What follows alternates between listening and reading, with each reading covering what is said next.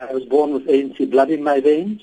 It didn't start with the ANC. It started a hundred odd years ago with my grandparents who fought alongside Mahatma Gandhi for injustice here in the Transvaal. I was willing to the ANC. I was excited by the delivery of freedom. I stood with Nelson Mandela at the victory celebration at the Carlton Hotel.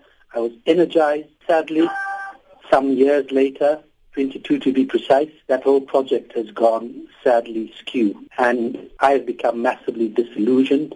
I've become disillusioned in a party which is founded on corruption, which is not founded on the rule of law, which is not founded on, on fairness, freedom and opportunity. And I began a, an introspection.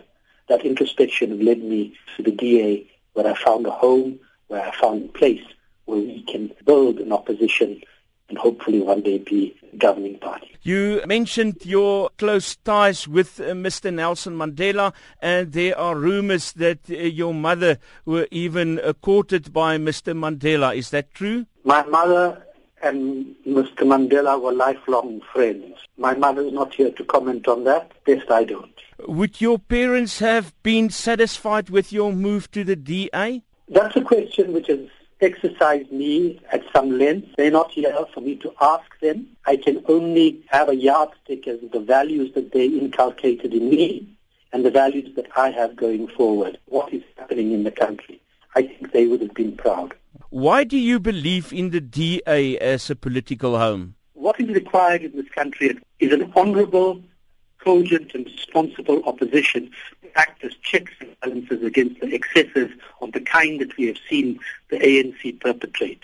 The DA offers us a path where freedom, fairness and opportunity are the values which make a government work for the people. What do you think are the chances for the DA in Ekurhuleni where you are the uh, mayoral candidate? Well, the ANC in the 2014 election dropped from 66% to 55%. If you are a scholar of what's going on in politics in this country over the last few months, you will see that the political terrain is in our favor.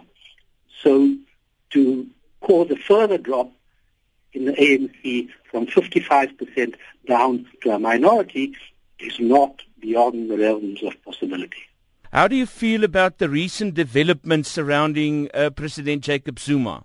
It's absolutely shocking. The Constitutional Court was unequivocal in its judgment, and the ANC has sought to ignore it as best they can, providing the country with a limp apology which doesn't wash all. You are not the only child of ANC stalwarts uh, criticizing the ANC. Uh, is this a growing trend and why? Yes, I've noticed a trend in that direction. You're absolutely right.